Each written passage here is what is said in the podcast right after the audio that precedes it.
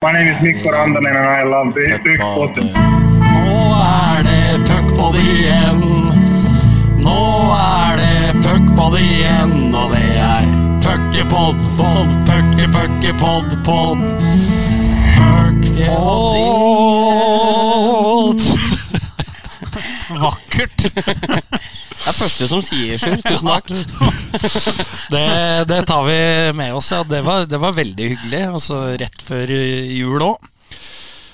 Velkommen til eh, deg som er ferdig sona. Du har gjort opp eh, med Ishockeyforbundet, sona dine to matcher, og er klar for eh, en tidlig seriefinale mot Grüner 2 på lørdag. Lø lørdagens batalje klokka 1700 i CC Amfi mot uh, store spillere som Cato Kokossa, Daniel Nilsen så videre. Det blir en fantastisk opplevelse for mange. Og nå som det er litt sånn hockeypause òg, så kanskje folk skal legge nest siste lørdagen sin før jul til CC Amfi for et nivå 4-oppgjør. Jeg tror det. Ja, uh, vi oppfordrer selvfølgelig til det. Eller?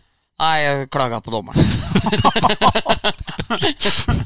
og da er jo du allerede på banen, Sjur. Men uh, takk for at vi fikk komme hit til uh, Sarpsborg og, og, møte deg. Mannen som viste fingeren til uh, SSU etter et 8-2-tap på Hamar. Sjur Robert Nilsen. jeg, jeg retta på brilla. Gjorde du det? jeg, rett, jeg retta på brilla òg. Okay. Ja. Nei, det, der, det der er litt sånn ålreit sånn åh, angre. Men det jeg angra mest på, det som jeg sa til Line, som, som jeg er sammen med, det var Når jeg fikk spørsmålet etter kampen, så sa jeg at nei, nei, nei, nei jeg var ikke i nærheten. Jeg gjorde ikke det. Jeg vet ikke hvor jeg har fått det fra. Det jeg angra mest på, var at jeg ikke sa det. Jo, det gjorde jeg. Og så står for det. Det angrer jeg på. Så da kan jeg si jo, jeg, jeg retta på brilla òg. Ja. gjorde jeg. For det var ble forbanna pga. at jeg kom dit på 50 år, var på bursdagen min. Ja. For du, for du fikk en bursdagssang fra Ja, altså sånn supporterunionen? og da ble jeg forbanna, og da måtte jeg rette på brillene. Sånn er det. Man gjør dumme ting. Man har helt i huet. Det er deilig, det. Det er, det er å være menneske. Det, det er det. det er, og det er jo veldig hyggelig at du får den At vi får den forståelsen med en gang, Bendik. Når vi akkurat har snakka om at uh, du har gjort opp med forbundet etter å ha mista huet. Det er lov å miste huet. Ja. Og så kan man legge seg flat etterpå. Det er også lov.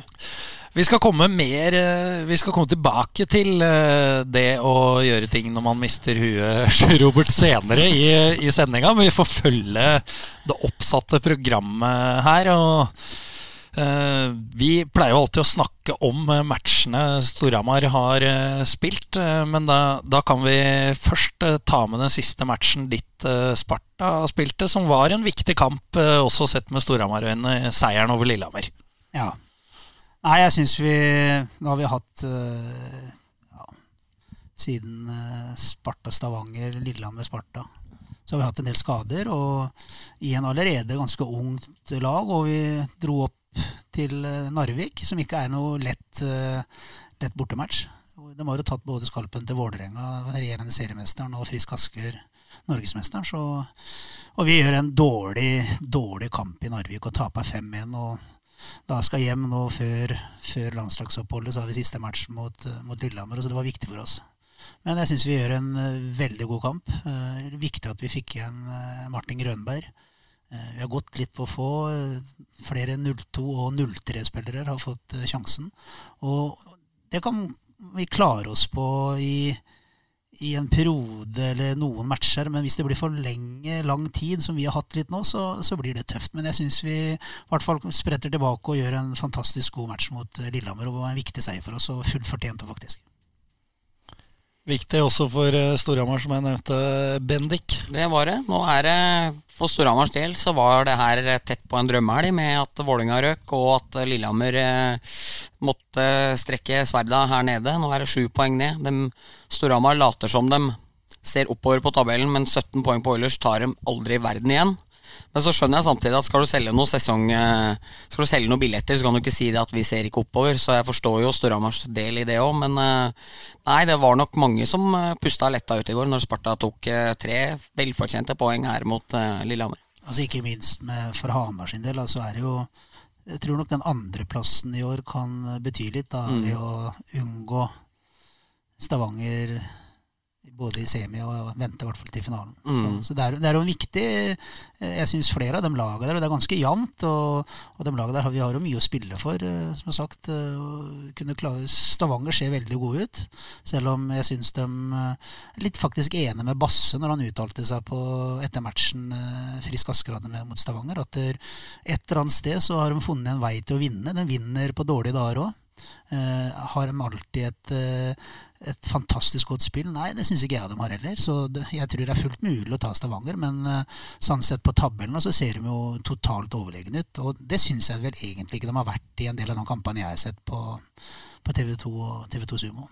Nei, men Det snakka jo vi litt om på vei ned her òg, Erik. At, eh, at de er ekstremt flinke på Altså De har vært gode veldig mange matcher, men når de ikke har vært det, sånn som på lørdag, er det jo ikke strålende mot Vålinga Og det er jo kampen mot Frisk er heller ikke spesielt god, men de drar fra med Østlandet med seks poeng på de kampene. Det er eh, jeg tror at for Storhamars del, vi skal se det i Storhamar-perspektiv, så må du jo se tabellen litt etter de første ti kampene òg. Altså at eh, det Storhamar-laget som er blitt nå, må jo måle seg mot Stavanger herfra og inn. Det er ikke noe vits å se på hele tabellen.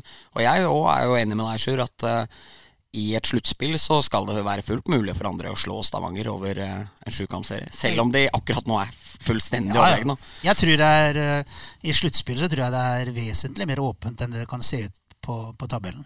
Nå er det jo ganske tight, da. Ganske tight med fra oss og, og opp eh, til da Storhamar, men For det er jo. Eh, Men jeg, jeg tror sluttspillet blir, blir tightere enn en kanskje folk tror. Jeg, jeg vil ikke skrive Stavanger Oilers på den NM-pokalen enda, altså. Det, det skal spilles.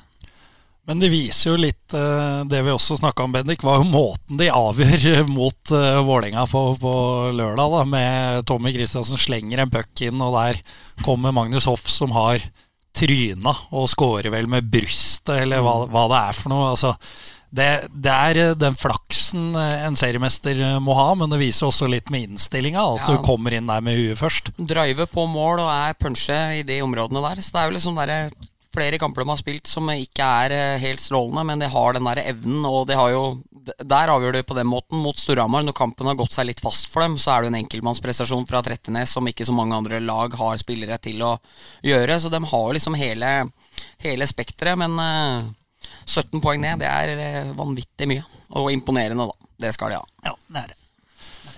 Ønsker du å gå inn, nærmere inn på de matchene Storhamar har spilt siden forrige pod, eller? eh? Vi kan vel ta en kjapp recap. Vi Ja. var jo i Stavanger og fikk jo se Storhamar eh, levere en kanskje årsbeste. Er jo en egentlig veldig god hockeykamp. To gode lag.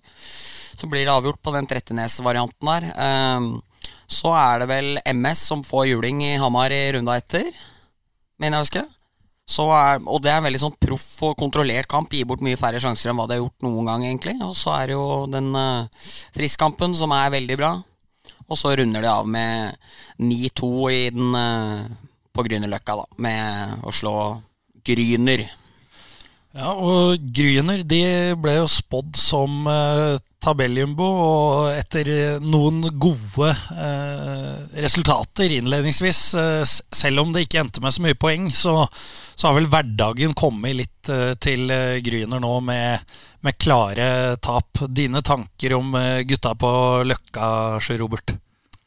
klart at det er Det er vanskelig da også Hva skal jeg si? Spørs hvor ærlig man skal være da på sånne ting som det her. Er, her er det takhøyde, ikke det, Ja, Bendik? jo, eller, jeg tror ikke det I utgangspunktet så tror ikke jeg det over tid er, eh, er heldig for Gateligaen. Ja, da. At man har et lag som eh, til de grader eh, kan gå på noe. De, har spilt gode kamper, og de kan ta poeng mot, eh, mot oss. Så det, det går ikke på det, men det går på totalpakka da, fra fasiliteter og muligheter til elite, eller for publikumfasiliteter og sånn i Grünerhallen, til vi går ut og har en, nesten en stolthet på at er annerledeslaget Gryner, at det er en gjeng med glade amatører. Så er det fint, det. Eh, Noen vil også føle at det er en litt sånn gir en litt sånn ja, hva skal jeg si, finner jeg ikke ordet, men at det er liksom på en måte litt bra for Gatlinga. Jeg tror ikke det. Jeg tror på at uh, ligaen må Hvis vi skal hevde oss og hockeyen skal bli bedre, så må vi ha Det er noen minimumsting som bør ligge til grunn. Og det er jo blant annet at det, i hvert fall at alle spillerne i Gatligaen Eh, eller i hvert fall en 75-80% av spillerne i hvert lag bør jo ha den profesjonelle kontrakta som lyder på hele 41 000 cirka, da, i brutto på en mm. hel sesong. Og jeg syns jo faktisk det er noe ting som hockeyen bør se på, at den bør økes òg. For uh, du kan bli brukbar god uten penger, men til syvende og sist, der norsk hockey står nå, så, så, må vi få inn mer ressurser, og da må flere lag profesjonaliseres. Da tror ikke jeg det nødvendigvis er eh, positivt å ha med et eh, 100 amatørlag. Rene ord for penga, det. Rene ord for penga. Og det er jo det er jo ikke det er jo, Jeg er jo enig med Sjur, for det er jo etter kampen nå sist så sitter jo daglig leder og kjører ismaskina. Altså det er jo så få ansatte er der. Så ære være Trond Erik Larsen, som er en fantastisk mann og gjør alt for Gryner. Men det er hele administrasjonen. Det er jo ingen andre som tjener ei krone på æra der. Det er spillerne kjører isen før og etter egne økter, og assistenttreneren må kjøre isen for at alle spillerne, selv vaktmesterne, skal få være med å terpe eh, påplay-gjennomgang før de går ut på det er, eh, det er, ganske andre krav, eller andre kår, enn hva det er i Storhamar og Stavanger og egentlig stort sett alle andre steder. Så mm, på sikt så er nok ikke dette bra, selv om det er jo litt sjarmerende. De sjarmerer litt der. Jo, men det, det, er jeg enig i. Og jeg, og jeg, synes jeg følger dem på Twitter. og Jeg syns de er fantastiske. Eh, har en fin historikk og er flinke til å dele med Jeg har sett noen gamle avisutklipp når vi skulle møte dem, bl.a. Mm. Gryne Sparta-matcher fra 70-tallet og sånn. og alt, Mye sånt var bra. Og, eh, men igjen da, så må vi se litt på hvor norsk hockey står inne da, og hvor vi vil hen. Og da må vi våge å ta den diskusjonen om det er rom for et et uh, lag med sjarm på Grünerløkka som er amatører. Om norsk hockey blir bedre av det over tid, det er jeg usikker på. Vi får la uh, Gryner være i fred fra, fra, nå av, og så skal vi gå litt tilbake i historien. Skal memory Lane?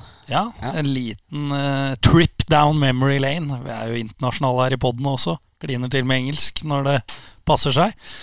Eh, og da må vi se litt på sesongen hvor eh, Sjø Robert eh, var Storhamar-trener. For det var et tøft år, Sjø Robert? Ja, det, for meg personlig var det det. Og så syns jeg vi, etter en forferdelig start, da, så syns jeg vi jobba bra i samarbeid med Pål og Torbjørn og jeg. og og resten av det teamet rundt A-laget. Det, det syns jeg vi gjorde. Og vi, vi snudde jo noe. Vi, vi klarte å komme opp og redda den tredjeplassen i serien. Og vi hadde og var en sesong med mye skader, hvor Larivé tror jeg spilte 16 kamper gjennom hele sesongen. Eh, vi henta et par mann som vi, vi forventa skulle være ledende i begge ender av banen, med Joey Tunuti og, og Petri. Um, Joey Tunuti, mye skada. Jeg tror han, jeg sjekka en gang på antall treningsoppmøter, sånn, så var det ca. 60% så, Og det, det var vi prega den sesongen. Og, men som jeg sier, jeg syns vi fant uh, sammen med spillerne og sånn. Jeg, jeg, sånn sportslig sett med guttene i lag og, og, dem rundt laget på Storhamar, så ser jeg tilbake på det som en, uh, en bra erfaring og et, et godt år. Uh, det er mange fine mennesker som jobber i og rundt Storhamar, og jeg syns vi jobba bra. Jeg syns vi hadde fra trener og ned til spillerne så syns jeg vi, vi prata godt sammen. og vi jeg, jeg syns vi gjorde en endring der, da. Eh, så var det andre ting som spilte inn, som jeg syns eh, til slutt ble veldig vanskelig. Jeg følte jo at man ikke hadde skal jeg si, så mye støtte ifra kanskje fans og dere i media og sånn, at det kanskje gjorde det litt vanskeligere. Så ja, det var, det var et tøft år, samtidig som jeg syns det, det lærte meg noe, det òg. Får jeg bare følge opp på sportssida, sånn i retrospekt, når du tenker eh, Joey Tenut, som er toppspiller i SHL i mange år, og Petri, som ja, karrieren taler for seg. Er det noe du, når du tenker sjøl, når du sier det med erfaringer, at kunne du, eller burde du, trent dem på en annen måte enn hvordan du trente laget, med tanke på hvor mye slitasjeskader og sånn dem trøbla med egentlig hele veien? Ja, mulig, men eh, spørsmålet er jo liksom hvor, hvor eh, mye kunne det gjøres for at de kunne spille på et eh, høyere nivå. Jeg syns begge to, sånn i gruppa sånn, var fine.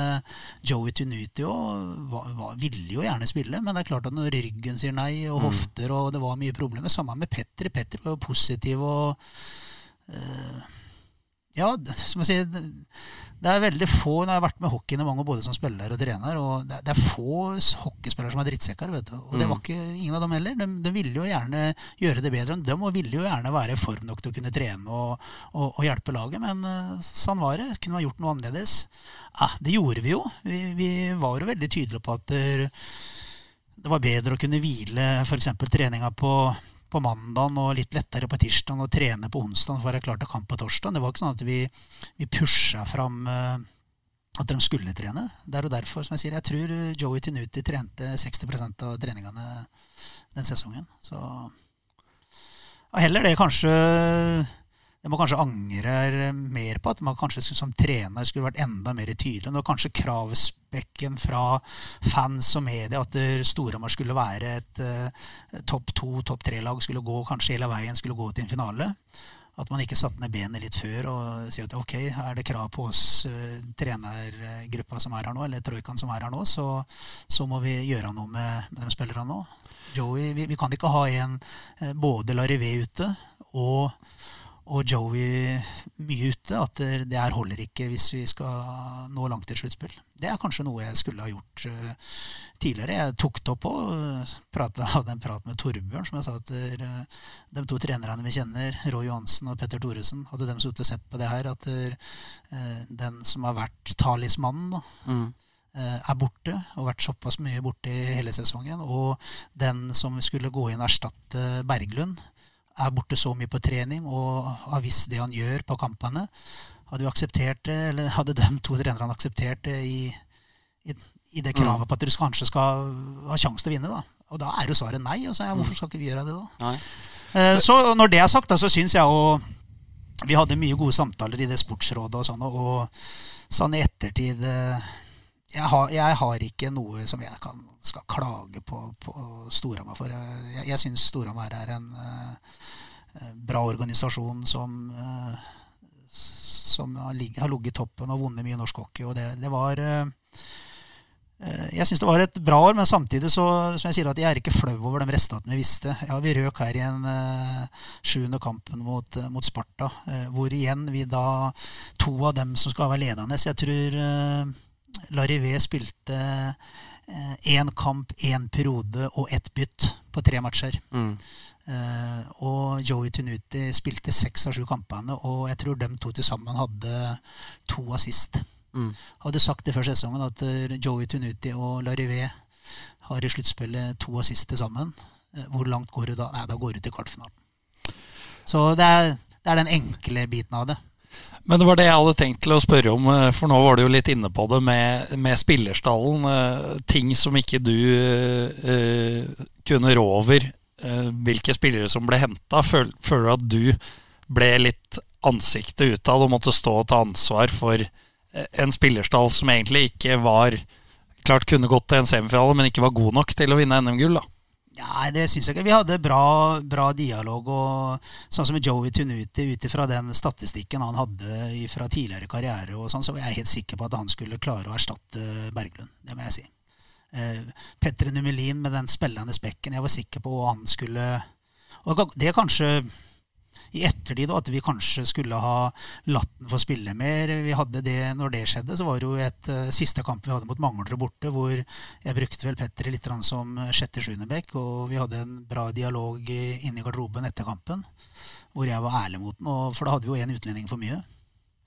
Og sa da at sånn det ser ut nå, når vi får et fullt lag og, og alle er tilgjengelige, så, så, tror jeg vi trenger forwardsa mer enn vi trenger deg på bekken. Og det var det kan man kanskje se i, i bakspilleren. At jeg tror nok en sånn spiller som en puckspiller som Petri kunne vært eh, avgjørende den andre veien for oss i, på Storhamar da i en kvartfinaliserie mot Sparta. Det tror jeg. Angrer du for at du beholdt Daniel Hermansson, som hadde korttidskontrakt? Ja, det er, det er, alltid ting som er gjort annerledes, og det er lett å sitte med fasit i hånd. Da, men vi skulle nok vært eh, mer Kanskje mer, litt mer framoverlent jeg som trener òg, og stille noen krav. Det er vel kanskje en av de tinga jeg er litt sånn forsiktig med. Jeg sitter med samme her nå i Sparta, med mye skader og sånn. Um, for jeg tror jo da at alle klubbledere og alle vi som jobber med hockey, vi vil jo den klubben sitt beste hele tida. Og så en del av det oppi der er jo økonomi. Mm. Uh, jeg er ikke en trener som, uh, som vil kreve og kreve og kreve. Og det er jo mange som gjør. Mm. Uh, uten tanke på økonomi og, og, hvordan klubben uh, er når den en gang reiser derfra. Uh, det er vel nok av eksempler på trenere på, både i hockey og, og fotball og sånn internasjonale idretter som har krevd og krevd og krevd, og så sitter det noen medaljer kanskje i skapet, men kanskje laget er litt skakkjørt. mange eldre har ikke foryngra laget noen ting. Det syns ikke, jeg liker ikke den måten å jobbe på. Var det på noen måte bittert å se året etter det mannskapet Søderstrøm eh, fikk eh, rå over da, for det har vi snakka om flere ganger, at eh, det var jo et lag som, som nærmest kunne gått til topps uten trener, bare fått utdelt rekkene i, i august. Var, det bittert å se at etterfølgeren fikk, fikk helt annet materiale å jobbe med enn hva du hadde? Nei. Det er ikke det. Hvert år lever sitt liv. og du må jobbe ut ifra de ressursene og det laget du har. og Det har jeg sagt eh, flere ganger her når jeg begynte som trener. at Jeg har mer fokus på de spillerne jeg har tilgjengelig, og dem jeg har til rådighet. Og Det er derfor jeg syns den sammenblandinga som det kan bli litt når klubber er på vei opp, med trener, sportssjef i én rolle eh, Jeg har jo litt av det her nå, selv om jeg ikke er noen sportssjef, men ganske stor eh, innflytelse på på hva vi henter og hvilke typer spillere og sånn. Jeg liker nok mer enn at det er klare roller. da. At du har en sportssjef og du har en trener. For en sportssjef skal i større grad kanskje ivareta klubbens helhet over ikke bare én sesong, men over tid. Mens en trener eh, ikke overalt, eh, men sånn som nå i Norge, da, så er det vel Stavanger, Storhamar, til viss grad Frisk Asker, som vant i fjor. Men det er vel dem som har det kravet på seg at de skal vinne. Eh, Lillehammer, vi her i Sparta Stjernen, vi har ikke krav på at vi skal vinne. Det har ikke vi. Men, eh, men akkurat den sammengreiene med sportssjef-trener, så tror jeg det er viktig at vi, vi deler. Altså for uh, sportssjefen må, må, ivareta klubben litt mer. Jeg må bare litt tilbake til media og, og supportere. fordi nå har jo du, du har jo jobba i Sparta og i Nei, Stjernen, holdt jeg på å si. Eh, I Leksand og landslaget og alt. Eh, jeg ser jo her, så følger jeg med på SA-TV etter kamper, og så ser jeg jo at da blir du intervjua av journalist som av og til som sitter ved siden av deg der du sitter nå, med lik Sparta-genser. Hadde jo ene, ene matchen her. Eh, og så skal ikke jeg ta noe rolle med hvordan SA bør behandle det, og det er ikke det jeg mener. Men eh, jeg har litt på følelsen av at du hadde et bilde av at lokalpressen skulle være veldig støttende, veldig eh, på lag med Storhamar hele tida, mens Eh, kanskje, kanskje ikke vi, var vi i overkant òg, men at vi var mer opptatt av å måle dere opp mot de resultatene som på en måte var forventa fra klubbens, klubbens, og fansen og ekspertenes side. Og at det der kanskje ble en krasj med oss og deg. Eh, sånn i retrospekt, hva tenker du om det? Åssen var resultatet til Storhamar året før jeg kom? da? Det var vel sjetteplass og semifinale. Og jeg tror at en del av Eh, hva jeg tror, da, det vet jeg ikke, men jeg kan sitte igjen litt med en følelse at der, i utgangspunktet som man kanskje allerede begynte på litt sånn minus. da. Eh, jeg var litt tydelig ute med før Ironman der og den fysiske standarden til en del av spillerne, at det var for dårlig. Og det, er, det kan jeg si at det syns jeg det fortsatt i dag, at det var dårlig den gangen òg. Mm. Eh, jeg tror at der, det året der så var vi på vei til å snu noe der òg. De har jo satsa mer på, på den fysiske tingen, og vi satsa mer på både gjennom Vi hadde vel mer eller mindre to som hjalp oss på fysen. Eh, så jeg tror nok at vi starta opp litt sånn at jeg kanskje starta opp med en, kanskje en liten minus i, i margen, hva, hva jeg tror. Um, så er, jeg har ikke noen tanker på at media skal lokalmedia skal være en sånn heiagjeng for uh, den klubben uh, som er i lokalet, eller som de da skal skrive om. Uh, media har eh, sin eh, jobb og sin rolle oppi det her. Eh, men jeg syns kanskje det ble litt eh, Når vi var på vei til å snu det, så syns jeg det var sånn, litt leting etter eh, det som var dårlig, da, istedenfor å se kanskje litt Nå har det vært bra Jeg husker veldig godt etter en kamp jeg tror vi spilte mot Sparta hvor vi hadde snudd det litt og hadde mange seire på rad og begynte å klatre på tabellen. Så tror jeg vi tapte 2-0 mot Sparta. Med seier der så tror jeg vi hadde gått enda høyere opp. Og da var spørsmålet om Litt sånn fordekt ut ifra hva fans og sånn måtte mene, om jeg var rett mann å, å trene. Og da, liksom, da tenkte jeg hva fader er det som skal til nå? Liksom. Nå har vi, vi har spilt bra over tid, vi har tatt mye poeng. Og så fort du går på et tap, så, så var, kom spørsmålet opp igjen. Da, liksom. Det, da liksom Ok, det her blir Det her kan bli en lang vei. Ja. Jeg ser det.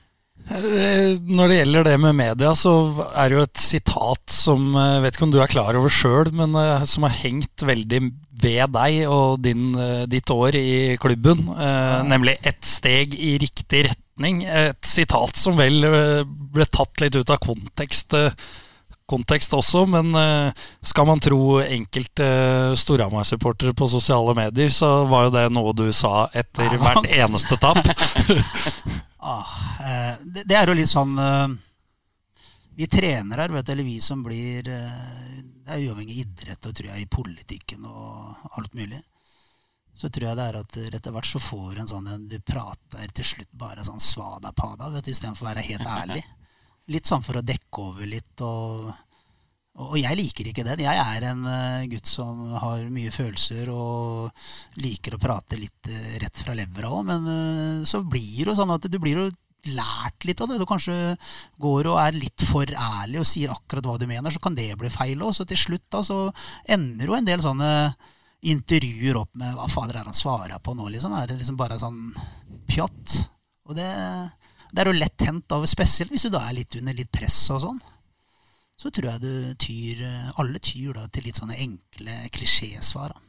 For Jeg skal ikke sitte her og være noe medieguru, men jeg tenker jo at i retrospekt av å tape 3-2 i Moralen og skuddstatistikken 40-22-23, eller hva det var for noe Og så tror jeg at når du da sier, som er litt pressa, at det er et steg i riktig retning i en av mange setninger, så er det jo også at media òg kan da kanskje òg være snillere med deg og si at der du sa for du er jo sånn du prater tre minutter på ett Ja, ja. spørsmål. Så vrien på sånne korte videoer. Så det er liksom så, så det gjør jo at da kan man jo ta det der du sier at i løpet av et resonnement så sier du både at det ikke er bra nok, og at et eller annet er i et steg i riktig retning.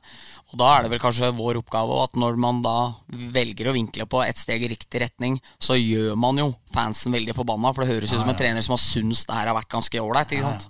Den ser jeg. Så det er Men jo jeg har jo en sånn en Sikkert for, som gammel spiller og sånn. Og jeg kan se intervjuer jeg òg med trenere, om det er fotball eller hockey eller hva det måtte være, som går ut flere ganger og kan totalsage lag og sånn. Mm. Det har jeg aldri vært noen fan av. Eh, Da er det heller sånn at da får de sage treneren, da. Eh, Jeg har aldri opplevd eh, spillere som ikke vil spille. Spillere som typisk det klisjégreiene. Nå må de blø for drakta, og nå må de, nå må, nå må de ofre seg mer for klubben. Og alle de som sitter og har på seg drakt, om det er Storhamar-drakt eller Lillehammer-drakt eller Sparta-drakt, de går ut og for dagen vil de gjøre sitt beste. Så er det visse ting som gjør så at de ikke klarer det. Uh, og jeg da som trener, da, jeg likte i hvert fall ikke det som sjøl som spiller heller. At trenerne for å på en måte rettferdiggjøre seg sjøl, eller sånn, og så skyve da over på, på spillerne. Det liker ikke jeg. Og så vet jeg at jeg kanskje da noen ganger kan, eh, eller i hvert fall gjorde, eh, litt for langt i den andre retningen. Da, og da blir det jo dumt. er Ikke? Og, og igjen, da, det er mye bedre å, å kanskje være bånn ærlig, da. Istedenfor ikke å være så forsiktig i media. da. Det er jo det som begynner å bli dagens samfunn. At alle er jo så veldig strømlinjeforma. De er så redd for å si noe og mene noe. Det er liksom sånne politisk korrekte svar hele tida. Istedenfor å si det du mener. Og det har jeg lært litt mer av. At nå kan jeg si at dere er dårlig uten at det henger ut noen spillere her. Og si at der, det her ja, Som noen kan si at jeg er flau, eller det her er Hva er det Rekdal sa? Jeg reiser ikke land og strand ut for å bli pissa på. Det er, det er jo litt unødvendig. Ja, ja. Ja, men at du må være kjenne på det og være mer ærlig. For sånn som når vi trenere når vi har vært og sett en match som fansen syns er drittdårlig, vet du, så syns vi det er drittdårlig. Mm. Det gjør vi jo. Mm. Vi, vi, får uh, gå over til uh, avskjeden da, i, i Storhamar. Uh, en situasjon etter kvartfinaleexiten hvor, hvor flere har skrytt av deg for hvor profesjonell du var da. For da var det nok mange, kanskje Bendik også, som sikkert var til stede, som venta på at du virkelig skulle miste det, og, og si, si, hva du egentlig mente. Eller hva mange trodde du mente. Hvor misfornøyd du var med ting. Nei, Som jeg sier igjen, da, så Så jeg, jeg sitter ja, det, var, det var et tøft Jeg ljuger hvis jeg ikke sier at det var et tøft år personlig på, på Hamar. Det var det. Det var uh, men jeg klarte å ta på litt kall maske eller noe sånt. Og jeg syns eh, vi gjorde en god jobb. Ikke jeg, vi. Eh, rundt laget og sånn. Og jeg har ikke igjen må jeg si, jeg har ikke noe å utsette på det som var i og rundt eh, Storhamar med folk rundt laget og sånn. Og, og, da etter et sånn et uh, kvartfinale-exit uh, som går til en sjuende avgjørende var det bittert? Selvsagt så var det det. Jeg tror faktisk det året der at vi Det er ofte sånn at kvartfinalen er en sånn breaker litt. da. Kommer jeg gjennom den, så kan egentlig alt skje. Og det tror jeg du kunne gjort med det laget vi hadde på, på Hamar året der òg. For jeg syns det var en fin gruppe. Jeg syns det var et godt lag. En god gjeng med, med gutter. da. Og jeg tror eh, Jeg i hvert fall sitter med den følelsen eh, at spillerne og, som var der nå, jeg tror ikke de bærer jeg tror ikke de syns Sjur var så jævla dum, som en del fans og sånn kanskje syns. Det, det, det, er i hvert fall min, eh, min, oppfatning jeg har fått eh, både når jeg var der og sånn i ettertid. Han er vel inne på noe viktig, for nå nevnte jo Sjur Robert eh, sesongen før med Sasha også. En, en, sesong som egentlig ikke huskes for å ha vært så veldig mislykka, nettopp pga. at man kom til semifinale. For som du nevnte, Sjur, man ble jo faktisk nummer seks i, i, serien. Så med en kvartfinale-exit der, så, så ville jo folk krevd Sasha sin avgang også. En COL eh, Veldig positiv COL. Forferdelig eh, mye av sesongen egentlig. Har spilte så dårlig hockey. Og så kom Jimmy Andersson-saken, og så var det jo litt følelsen at hvis det ikke blir noe sving på dette her, så er jo den sesongen her helt katastrofe. Men uh, endte jo med å slå ut Sparta, da. Sparta som gikk helt motsatt vei av Storhamar det året der. Og så kriga jo med Stavanger i sju kamper, og da sitter jo alle med en ganske god følelse allikevel. Men uh, det er jo å vinne den ene kampen uh, fra eller til da, som gjør om du er vinner eller taper i folks øyne. Sånn ja, og, og, det der har du nok Det tror jeg du er inne på nå. Liksom, den sesongen der vinner vi og går til semifinalen, så kan også alt skje. Da, mm. da er sesongen plutselig kanskje blitt huska for en forferdelig start. Ja. Og retta opp. Eh, kanskje mye skader.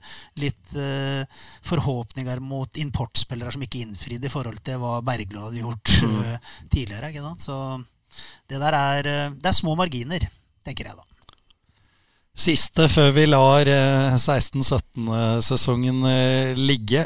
Hvis det hadde blitt denne semifinalen, kunne det ha blitt værende, eller var det valget tatt? Nei, da kunne jeg nok uh, vært med. Men i utgangspunktet så tok jeg vel litt valg at kan jeg bli her? Og, og, og igjen, uh, det håper jeg folk tror meg på, er at som jeg sa til dem rundt meg da på Storhamar, er at jeg kan gjerne bli. Jeg er ikke noe redd for å gå i krigen. Jeg har vært en kriger hele mitt liv. Men jeg tror at kravet fra en del, ikke alle, men en del fans, kanskje hva vet jeg, en del samarbeidspartnere og sånn, at da hadde vi begynt på minus. Jeg tror eh, det er, den følelsen jeg satt med. Eh, jeg tenkte ikke noe på hva jeg ville. Hva, hva er best. Jeg tenkte rett og slett hva, hva er best for Storhamar nå? Er det best at der, vi setter oss ned, tar en evaluering, og at vi hadde kommet tilbake, Sjur Robert Nilsen skriver under en ny to- eller treårsavtale eller hva som helst, og går videre. Nei, jeg tror, jeg, der og da så trodde ikke jeg det. Jeg trodde at der, Eller jeg følte at det var for mange eh, fans og, og, folk litt sånn utafor, da. Eh, hadde de, de, var ferdig med Sjur Nilsen. Og da tror jeg Storhamar som klubb eh, hadde nok uh, kanskje tapt på det. Det var det sånn jeg følte der og da. Får jeg bryte opp litt i alt eh, alvoret her da til slutt med, Ja. med siste storyen fra Sjur og Hamar og Storhamar med fredag. Det var to dager før verdensrekordmatchen. Da er det Sparta Storhamar her. Storhamar må egentlig vinne for å klare å holde seg i live i den serien. Det er 2-1 til Sparta før den kampen. Så tror jeg Rønberg og Larivé forsvinner i første perioden. Det ser liksom trøblete ut. Storhamar gjør en kanonmatch. Vinner 3 eller 4-0. 4-1. Jeg husker- jeg ikke. Nei, det var noe sånn Reisenberg var meget god, og det var liksom Storhamar vunnet. Og jeg husker jeg satt med sånn følelse at den kvartfinaliserien her Den har de i lomma nå, selv om det er noen skader. Det er, nå har de brutt alt her, liksom. Jeg sitter og liver og skriver ut de siste greiene før jeg skal gå ned i intervjusona. Der kom jeg ned, der ble jeg møtt av en likeblek kollega, Anders Bakkerud Larsen, i en sånn rød flanellskjorte og skinnjakke, som står, som står rett opp og ned inn i veggen og sa hva er det med deg? Jeg har sett med loff i trynet. Så. jeg, «Ja, Robert har skjelt meg ut. Har klikka på meg. Har brøyt seg gjennom spillere for å kjefte på meg.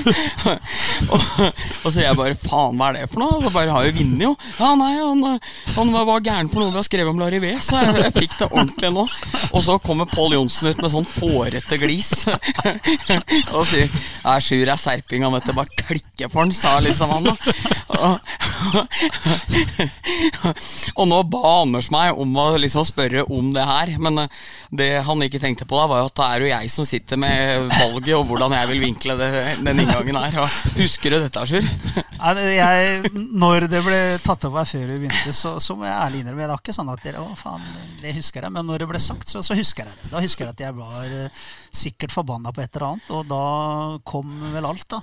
Eh, og det der er jo litt igjen tilbake til det vi prata litt om i stad. Eh, det med å ha lært seg litt grann, eh, og så svare litt roligere svada på det. Og jeg det er blitt litt flinkere til, men noen ganger så går det litt for langt. Fordi at jeg er en følelsesgutt. Jeg blir forbanna, jeg har temperament. Og har jo vært oppe i situasjoner hvor da temperamentet har gått litt løpsk, og det var vel en av dem gangene. Men noen ganger er det herligere, da, så det var aldri noe vondt ment, men eh, ja. Jeg husker du var, du var veldig fin i Stjernehallen nå. Den matchen Larivé gjorde comeback når han hadde fem poeng òg. Ja, ja. Så gikk dere forbi der, og så gikk jeg rett bak deg og Pål, og så begynte det der Red Beavers eller hva de heter å melde på deg, og du fyrte deg opp tilbake igjen. Stramma opp en fyr der som hang over rekkverket. Ja, det var deilig. Det skal være sånn. Jeg er i hvert fall aldri langsint. Men jeg har litt temperament, det har jeg. Det er bra. det. Det må man vel ha også i, i denne idretten, Ja, Bennik. jeg syns det. Eh, Vi må inn på et Twitter-spørsmål fra Blegeberg, Anders Blegeberg. Han eh, har skrevet det så enkelt som 'Din første kontrakt i Lillehammer. Kravene var prikk, prikk, prikk'.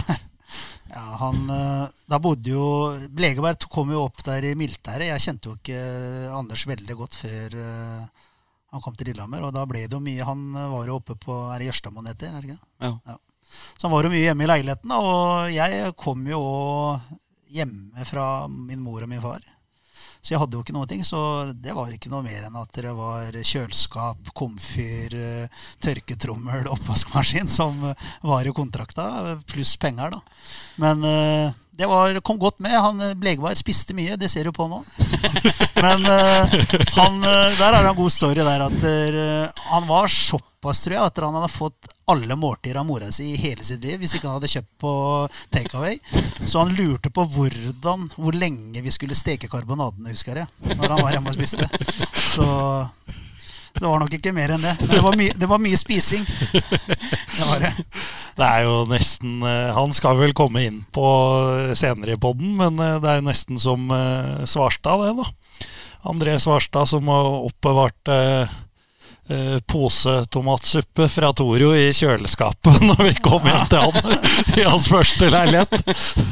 Trodde den skulle stå avkjølt. Ja, skal vi ta et Twitter-spørsmål til? eh, Klin til. Ja, banke på. Det er eh, Ole Brunken, en av våre trofaste lyttere. Han eh, Det er kanskje ikke noen sånn gode nyheter for deg hvis det er noe hold i det, Robert, men han lurer på hvor mange av Carlsen, Tangen Henriksen, Østby og Lilleberg eh, Storhamar bør hente til sommeren. Ja, jeg tror nok alle de nevnte spillerne der, de har noe i seg til å kunne bli eh, ordentlig gode Gateliga-spillere, og kanskje noe mer òg. jeg håper jo at eh, vi får beholdt eh, flest mulig her i Sparta. Eh, Samtidig så anerkjenner jeg at, eh, og, og vet at eh, det er en del spillere som vi har her, som vil være interessante for eh, Storhamar, Stavanger, Vålerenga, Frisk Asker. Er det verre enn eh, utlandet? Hvis du, hvis du tar av deg litt uh, utviklingshatten, men eh, å se på Sparta og ditt og det laget du vil gjøre best mulig? Jeg tror for norsk hockey sin eh, vegne, ikke bare for oss. Eh, Jeg prøver, eh, jeg vet at jeg står med begge bena i det, og det er vanskelig å være objektiv. Men jeg tror nok på at vi må passe oss Eller vi må i norsk hockey nå må passe oss for eh, at det ikke blir for mye sånn kannibalisme. Da, at eh, vi henter fra hverandre av de talentene vi jobber opp. Men samtidig så er det jo sånn at eh, F.eks. vi mista Klavestad her i, til Stavanger, hvor han får da en bedre hverdag enn det vi kunne tilby han. Vi kunne ikke tilby han eh, profesjonell kontrakt. Da tror jeg han kunne leve av det. Det får han i Stavanger. Så sånn sett så må vi noen gang bare akseptere det.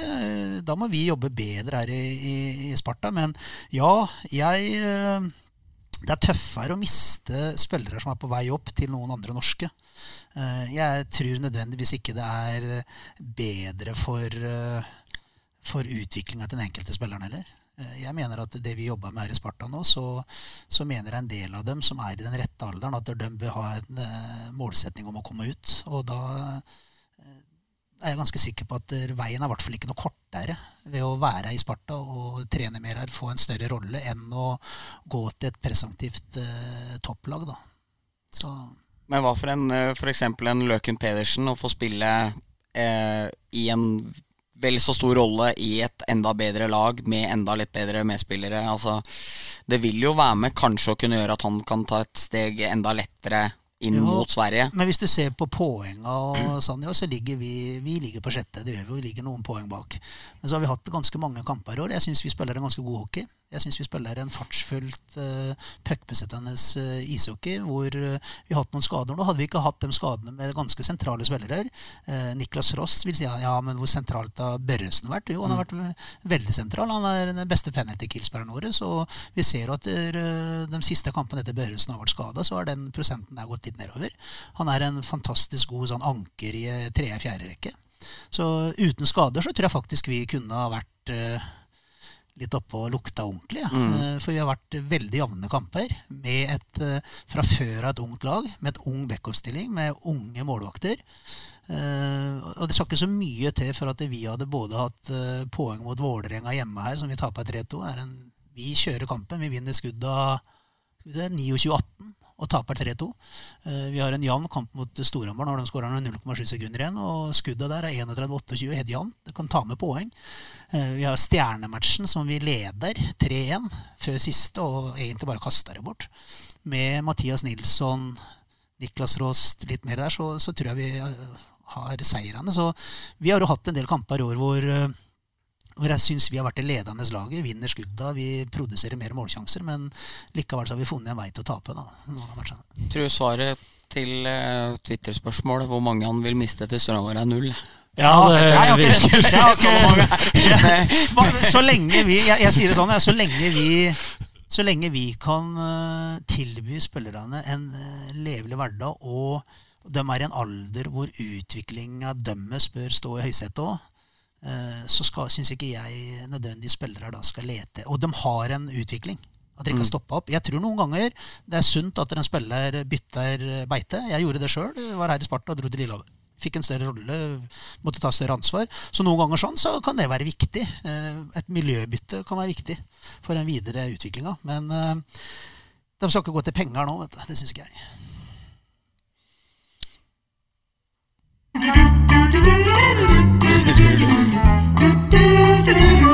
Melding fra Trib. Og melding fra Trib. Melding fra Trib. Melding fra Trib. Ja, vi bryter opp litt igjen vi med en av våre faste spalter, nemlig melding fra Trib. Og i dag er det melding fra Trib, eh, Bendik. Det har vel vært en stund siden nå. Det har vært mye melding fra boks og melding i gard og det ene med det andre, men nå er det melding fra Trib igjen. Nå er det melding fra Trib, og der eh, kjører vi litt sånn felles eh, i dag, da. Eh, okay. For eh, du husker dette litt eh, bedre enn meg, men eh, vi, tar nå likevel og kjører gjennom eh, Storhamar 2, gode, gamle utgavene på tidlig 00-tallet. Var i Kongsvinger. Møtte et opprykksjagende Kongsvinger som hadde henta inn drøss med førstedivisjonsspillere fra Oslo, for nå skulle de opp. Og der kommer juniorlaget til Storhamar og fikk det, eh, fikk det tøft som eh, så mange ganger før. Og vi var vel under en 6-7-0 Ja. når uh, vår kjære keeper Bjørn Ivar Baggetun, kjent aller mest for utenomsportslige ting, men uh, han sto nå der. Han hadde fått et skudd i maska, tar av seg maska for å ordne på den. Han har jo veldig lange, fine lokker på den tida, Bjørn Ivar. Og da eh, hører vi fra en på tribuna i Kongsvinger ishall som eh, De er jo ikke spesielt glad i folk fra Hamar der. Få på deg maska, for du er det styggeste jeg har sett. Og han satt, han satt og drakk pils mens han sa det. Inni hallen. Ingen som gjorde noe med. Og, og det er ikke noe banebrytende melding, dette her, men, eh, men den er jo knallhard. På, til, til 17-18-åringer som, som bare dessverre er med i en liga man ikke er kvalifisert for, så var det, det var nådeløst meldt. Satt og drakk Brigg, sånn svær seidelflaske, sånn plastflaske. Vakta bare så på den og smilte. Det var ikke noe problem. Ja, det var fint. Stakkars For eh, øvrig samme dag Norge slo Tyskland borte med Drillo som trener. Ja, comebacket til Drillo. Ja, Men kan jeg by på en melding fra Trip sjøl? Ja. Jeg har hørt fra Jon Haukeland da, når han var med et uh, Om det var U18 eller U20-landslaget, jeg tror jeg de har vært U20-landslaget, i forkant av et uh, AVM som skulle gå i Canada. Så sitter de og ser på matchen, da, eh, Norge spiller. Ikke? Så sitter det da en eldre frue med ja, lilla hår, ikke sant? Ja. Eldre dame, kanadisk, litt sånn forskjell på kultur. Og Norge har powerplay, og de spiller og spiller og spiller. og spiller. Det er ikke noe skudd. Ikke sant? Til slutt så reiser hun gamle dama seg opp og skriker høyt. da Shoot the fucking puck! det var en melding fra en gammel bestemor som er i Canada. Da vet du, må skyte i powerplay. Mens nordmennene bare spiller. Ja, det er vel kanskje på tide da når eh, Bestemor tar bladet fra munnen. ja. Den er fin. Vi setter veldig pris på det at uh, lytterne sender inn uh, om det er ukens røver eller hva det nå måtte være. Og selvfølgelig også stor pris på at gjestene bidrar Ja, med ja, ja. Det stories. Det syns vi er veldig hyggelig, altså. Uh, Skal vi gå videre da, Bendik, til kanskje din favorittspalte? Ja. Og Folkets spalte òg. Det er Folkets spalte. Det er. Folkets spalte. Det er ukens røver. Ukens røver. Da er det også her er det innsendt. Det er fra mm, Frisk Askers GM Patrick Gandolfi som eh, byr på en eh, liten perle her. Frisk eh, 85-årgang. Faren til Petter Kristiansen er trener. Det ligger under med ett mål når det er igjen ca. 1.30 på klokka. Terje, som da er faren til Petter Kristiansen, eh, sier at vinner vi droppen, så kommer uh, keeperen. Uh, for nå skal jeg ta ut keeperen. Frisk vinner droppen. Gard er, eh, er da keeperen. Gard kommer 100 mot boksen. En som heter Fredrik, hopper utpå og skøyter i full guffe nedover. Far står da og ser ned til høyre, der det er offensivt spill, og lurer på hvor i helvete den siste spilleren her. Når han ser foran eget mål, der står han spilleren. med, med hånda midt på kølla, så, så ser det ut som du står og holder i en spak. Hele hallen holdt på å le seg i hjel. Og det, og det tar meg da videre til nevnte André Svarstad, som er linjedommer til Joakim, eh, bror av linjedommer Joakim Svarstad, og sønn av gamle linjenestor Jon Svarstad. Det var vel HamKam 3 mot Karterud nede på, nede på Gilbana en, en, en maikveld for en 14-15 år siden. Det er antageligvis en av de nivåmessig dårligste fotballkampene som noensinne er spilt i yngre idrett. Der da André var en av få som ikke hadde skåret. Fikk da beskjed om å fiske. Når det var corner på eget felt, så sto han oppe på motsatt 16 og ropte på ballen. 35 meter offside. Hita, hita! Det er klasse. Ja, det er, eh, det er nydelig. Må si jeg likte han eh, Fredrik, var det det, som Ja. stelte seg opp i roadhockey-stilling? Ja, det er så klasse å tenke at det er der det er størst behov nå, liksom. Men øh, jeg vet ikke Men faren til Petter Kristiansen, han øh, det, det ligger jo ofte en vurdering i hvem du skal ha utpå som sjettemann Ja, når du tar keeper. Ja. Det er faktisk enig når du sier det sånn. Du har kanskje bomma litt, da. Hvis du setter ut på folk som ikke skjønner at det skal i angrep Nei, Ellers har du forferdelig tynn stall, sånn at det bare er at eh, istedenfor at keeperen blir med opp, liksom. Og det er vel ikke lov heller. Han kan Nei. ikke gå over rød. Ja, det, er, øh, det var herlig. øh, Som jeg sa i stad, bare å sende inn storyer for de som øh, ønsker det. Og vi har jo veldig god humor, Bendik, så kommer du på lufta, så er det kanskje et av de største komplimentene du kan få. Altså. Så fem stjerner i iTunes, og, og mat på med historier. De finner jo oss i alle kanaler på Twitter og Instagram og på meldinger, så det er bare å mate på hvis det er noe røvere eller noe krydder dere har. Gjør det, gjør det. Ja, og så får vi gå videre til eh, flere faste spalter. Det er jo nemlig tid for å være litt hyggelig med noen og litt kritisk eh, mot andre. Vi skal ha ukens kaktus og ukens kvast. Og Jeg, Bendik, skal få starte denne uka? jeg kan godt gjøre det. Nå har jo jeg selvfølgelig ikke underretta Sjur Robert om de eh, spaltene her. Jeg håpa han eh, kanskje hadde hørt på. Så, så jeg har vel ikke noen stor eh, kaktus eh, og kast eh, som jeg har forhåpninger på nå, men jeg håper han er kjapp og bare tenker på noe han har lyst til å gi litt ære for. Jeg kan begynne. Eh, skal vi begynne med noe positivt, da? Vi starter med positivt. Det er bedre å avslutte negativt. Ja, da må jeg si det at eh, det å være på hockeymatch i Stavanger, det har jeg snakka om tidligere òg, det er jo malen for hvordan det burde vært overalt. Med publikum som får brigg, eh, publikum som eh, er punsja, er interesserte, som bryr seg. Det er fantastisk alt rundt. Det er servering, det er bra. Det er pizza på pressetribuna, som alle andre og gjerne også kan begynne med. Men rosinen i pølsa er når spillerne kommer utpå der, og det var Arif over høyttaleranlegget før Lars Vaular kommer som nummer to. Altså Det er musikk som folk vil høre. Det er ikke Thunderstruck som er 700 år gammel, og, og sånne gamle, tunge, slitte gitarer som alle er lei av. Det er eh, altså det var bare sånn der, en åpenbaring for meg at faen, nå er det jo rett og slett litt gøy å sitte og se på oppvarminga. Så Stavanger Oilers skal få kjempeblomster fra meg i dag. Må, det skal de få, jeg skal ikke ta fra dem det. Men uh, hvis jeg kan nappe ut én liten uh, blomst fra buketten Så kritikk av eh, ACDC og Thunderstruck, det er jeg ikke med på. Jeg vet ikke. Så, men ellers så Flott arrangement i Stavanger, altså. Ja. Hiphop på høyttaleranlegget, det er det folket vil ha. Ja, du er litt G, du, vet du. Jeg er G, jeg vet. Sjur Robert, har du noen du har lyst til å skryte av? Ja, i dag må jeg skryte av Norges U20. Starter ut med BVM eller divisjon 1A i Minsk og vinner en litt uh, vanskelig, for å si det sånn. Uh, første match mot Slovenia, 6-2. Det er sterkt. Så da en blomsterbukett til uh, dem, da. To Storhamar-målgivende der også. Ja. Mikkelsen og Hafsmo. Én Sparta-målgivende med Emil Lilleberg.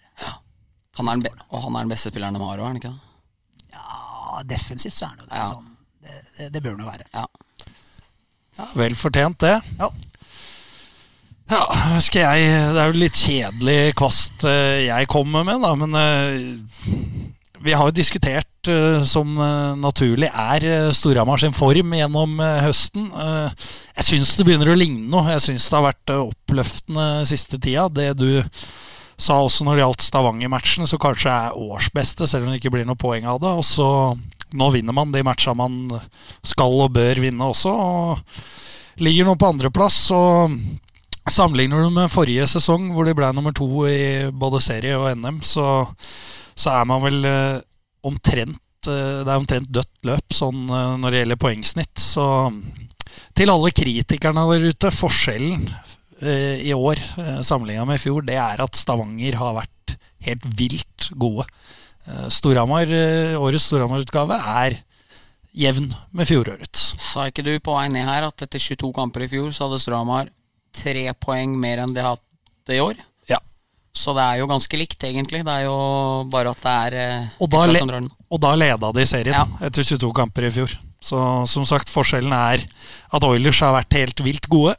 Så Storhamar har, eh, har vel funnet formen, får vi si. Så litt skryt fra meg der. Skal være litt negative, Bendik? Jepp. Og med grunn. Dette tror jeg er en av de mest negative... Du Pleier ikke å være noe grunn. Nei, da, her, nei ja, er, plutselig blir noen bare dratt under bussen uten at de kanskje har gjort seg fortjent til det.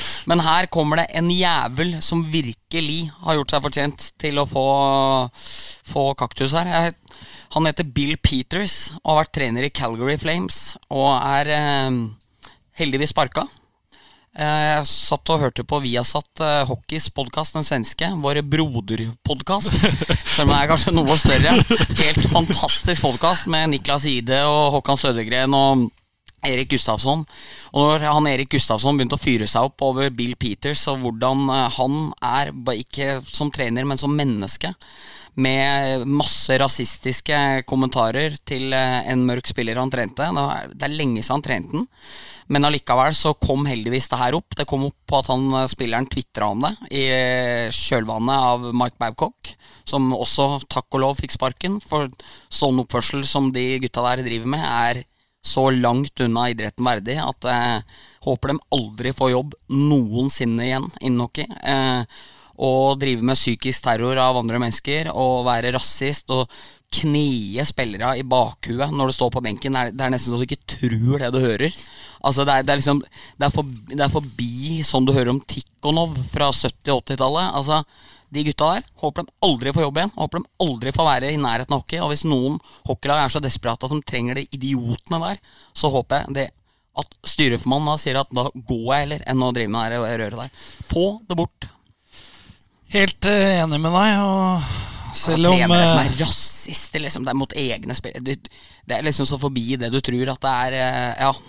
du, du tror jo ikke at det skal være mulig. Nei, det er uh, nå er vel de. Nevnte guttas eh, minste problem er vel at de får en kaktus i puckpodden, men eh, like fullt helt fortjent. Det er fullt fortjent. Jeg tror nok ikke det der er noe overraskende Eller rasistiske påhopp og sånn, det er vel overraskende, da, men at det er den leder-trenerstilen fra NHL eh, fra vi som har vært i hockeyen i mange år, så, så kom, det kommer jo ikke som noen overraskelse at det, det har vært et vesentlig mer direkte eh, og tøffere, hardere og over streken-lederskap i, i nordamerikansk hockey. Det, det tror jeg det har vært i Og jeg tror nok tar du den generasjonen som er litt eldre enn den som er nå, da, så tror jeg de kan komme opp med, med mange negative stories, da, men som ikke kommer ut pga. at det er, det er litt annen verden i dag. De som er unge, da, de, de står opp kanskje litt mer for seg sjøl, sånn, mens eh, de litt eldre garden de holder heller inne og har deala med det på en litt annen måte. For jeg veit jo at selv i norske garderober så har det jo vært spillere som har blitt benka og kalt eh, Eller satt på tribunen og blitt kalt råtne epler uten å ha vært på is nå. Så det er jo liksom Det er blitt Jeg tror alle kan ha noen historier om uh, litt sånn neandertalerlederskap i, i, i idretten, også i Norge. Det tror jeg. Det tror jeg òg, dessverre. Kaktus. Kaktus fra Sky Robert. Eh, jeg vil gi en liten kaktus til hele norsk hockey, og kanskje oss eh, trenere og sånn Iverreina òg. jeg syns det har vært en eh, veldig fokus på dommerne, det gjør jeg òg. Men jeg syns ikke noen ting skjer. Jeg syns det er overmodent at eh, norsk hockey burde allerede nå hatt et møte hvor vi ser på hvor vi ser på bedømningsnivå og hvordan vi trener, hvordan vi kommuniserer. Hva er det vi forventer? Spillere er, er, er den hockeyen vi vil ha eh, Blir den spilt i Gateligaen i dag? Eh, Hvorfor er det så stor forskjell på benevningsnivå fra Gateligaen til eh, SHL til NHL? Det er det samme regelverket på mer eller mindre 99% av reglene. Og jeg syns det er på høy tid at uh, Norges Fiskeforbund, Norsk Topphockey, klubbene pusha på litt, og at vi bør ha satt oss ned og hatt et lite møte på det. Som de hadde i Sverige tror jeg, forrige uke, hvor eh, det kommer innskjerpelser på benevningsnivåene og på destruktivt spill. Eh, Skal vi bli bedre, så må vi våge å ta tak i det, ikke bare prate om det. Så det er til hele norsk hockey. Helt sikkert fortjent, det òg. Det er det nok. Ja, så var det min kaktus, da. Da kommer vi jo inn på disse dommerne, da. Jeg skal ikke ta noe spesifikk dommer, men jeg tar et eksempel fra Frisk Asker eh, Narvik i går. Eh, og det som blir en matchavgjørende situasjon hvor eh, Lystad Jacobsen faller i en duell, og han mister vel skjæret. Også ut fra hva jeg kan se på videobildene, så ser du helt tydelig at dommeren ser jo ikke på den situasjonen. Men Lystad Jacobsen går ned, inn i målet sammen med Narvik Bekk. Så blir det altså gitt en tominutter som uh, selvfølgelig Frisk Asker scorer på. Og så blir det matchavgjørende. Og det, det, er bare et eksempel der jeg mener at man må, man må, dømme Det er jo noe dommere også sier, at vi dømmer på det vi ser. Men da må man gjøre det. Da kan man ikke se i sidesynet at en faller, og tenke at her var det en interference. Jeg tar den. Uh, så det syns jeg man må begynne med. Så en liten kaktus på sånn uh, dømming på hva man tror har skjedd. Døm, døm, på det du ser. Det er ja. moralen her. Og et godt eksempel etterpå, i samme match, er jo hevnaksjonen til han uh, Murphy. En soleklar late hit fra Ødegaard først, som ikke blir tatt. Uh, men det er jo fordi dommere ikke ser den. Og så får de med seg hevnaksjonen til Murphy, hvor han får utvisning, noe som er helt riktig. Da dømmer du på det du ser så ble det i hvert fall én riktig, da. Selv om du bomma på den første. Men det, det der er jeg, jeg, satt der før kampen vår mot Lillehammer i går, også, for den begynte klokka to eh, med Frisk Asker og Narvik. Så ser jeg den situasjonen. Faen, det, det der må jo være en late hit. Den er jo soleklar. Så tok jeg den opp, og så jeg la den inn på, på, skjermen. Men det vi må lære oss litt, det som jeg har vært dårlig på, at vi går ofte sånn når vi kritiserer dommere, vi kritiserer noe, så, så går vi på, på enkeltsituasjoner. Uh, det jeg vil lufte, derfor jeg tok opp den kaktusen nå, er jo at der, uh, over både i fjor og i år, og jeg ser utviklinga i, i, internasjonal hockey, blir jo vesentlig hardere bedømning på destruktivt spill. Uh, køllebruk, uh, holdinger, hektinger. Og det syns ikke jeg jeg ser i norsk hockey sånn generelt. Så bedømningsnivå i, i norsk hockey, der vi, må vi sette oss ned og ta en diskusjon. Og, og jeg syns det er altfor store variasjoner i til og med fra i periode til periode, fra kamp til kamp, fra ulike dommere på hva de tar og hva de ikke tar. Og så kan jeg mene personlig at den late hiten eh, Henry, fra Henrik Ødegaard på gullhjelmen til eh, Narvik, den må dommerne se. Og da kan det bli en helt annen match det er jo en matchavgjørende ting. Da. Han får At han mista huet og er, er, en charging. Ja, det er jo det. Han går jo nesten ut for å Han er forbanna og ville skade han unge nummer 16 på Frisk Asker. Eh, så det er en solklar fem minutter. Men eh, det skulle vært blåsta i forkant, og det skulle vært en to minutter powerplay for Narvik i stedet. Mm. Det skulle vært. Da er vi panelet enige om det? Ja, og jeg driver og jobber litt med sak om disse greiene her nå, så jeg passer meg litt for å uttale meg for bastant nå, men uh, den som tier, sier ikke noe. Nei, men det, det, er ikke, det er ikke jeg, jeg det. Tror det, er, det jeg var inne på, jeg tror det er viktig. Og jeg blir jo sett på Jeg, jeg, er dessverre kanskje noen ganger litt for mye på dommerne. Men nå går det litt mer på, på for norsk hockey sine veier. Nå skal vi ut eh, med landslaget og reiser i morgen. Og eh, med så mange spillere fra Gateligaen, som vi har hatt de siste åra på landslaget òg, så, så, blir vi jo hardt bedømt. Det, det blir dømt annerledes internasjonalt med destruktivt spill. Og vi må tilpasse oss mer, syns jeg da. Og derfor skulle, er det på overtid Derfor jeg hadde denne kaktusen. Det er på overtid at vi i norsk hockey hadde samla oss og, og, og, diskutert, så må vi finne den linja vi skal, skal dømme etter. Og så får det heller bli overtall og undertall hele ja, matchen i noen runder. Vi sitter og ser på en, eh, en match fra NHL da, som kanskje er enda mer eh, Det er jo verdens beste liga. Det er mye taklinger. Vi skal ha taklinger i hockeyen, men destruktivt spill tar imot mye mer av NHL. Eh, det er mer av det, mer destruktivt spill, SHL, enn det er NHL. Men de har jo stramma inn nå. Og så er det vesentlig mer Gateliga nå. Vi må få det bort. Eh, vi, vi må, og, jeg syns ikke det, det, det blir ikke sånn at det skal bli innebandy. Vi skal ha fysisk spill. Taklinger skal vi ha i hockey, men eh, det, det, det destruktive det ødelegger for de lagene som vil spille. Det ødelegger for eh, dem som vil være kreative og offensive. Og det er en fordel for dem som vil spille en Eller stå for en dårlig hockey, spør du meg, da. Det får være siste ord fra ja, det, Vi sier jo alltid gjest, men det er jo vi som er gjester, da. Det er men eh, det får være siste ord fra verten. Ja. Får vi si. Vi avslutter med å legge ut en liten teaser. Det blir en julespesial. Vi ringer jula inn med Puckpodden. Der har vel ambisjoner med om å få inn Rasmus Alholm. Som vi Eh, ikke vet at han skal være med nå. Nei, for vi har så- ikke prata med alle ennå. Nei, det er så- derfor jeg sier vi har ja, ambisjoner så, om det. Så, så er det ikke han, så er det, så er, så er det, så er det et andre valg. så, Så er det skal dere vite, Ja. at hvis det ikke er Alholm, så er det definitivt et andre valg. Det blir i hvert fall en julespesial, en oppladning til Vålerenga og Storhamar 21.12.